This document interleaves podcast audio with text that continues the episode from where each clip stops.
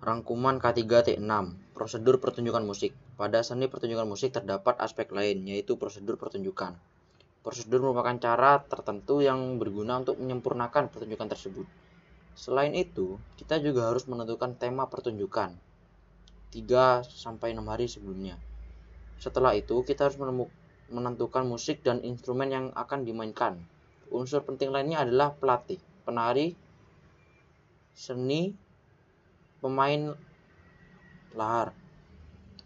Setelah semua hal dapat berjalan dengan baik, maka kita harus menjadwalkan latihan untuk menggabungkan berbagai hal seperti kesesuaian antara musik dan dengan penari, pemain lakon, dan lain-lain.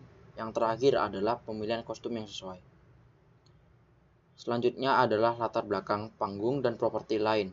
Harus dilakukan lalu mempersiapkan rancangan buku program pertunjukan beserta rangkaian acaranya.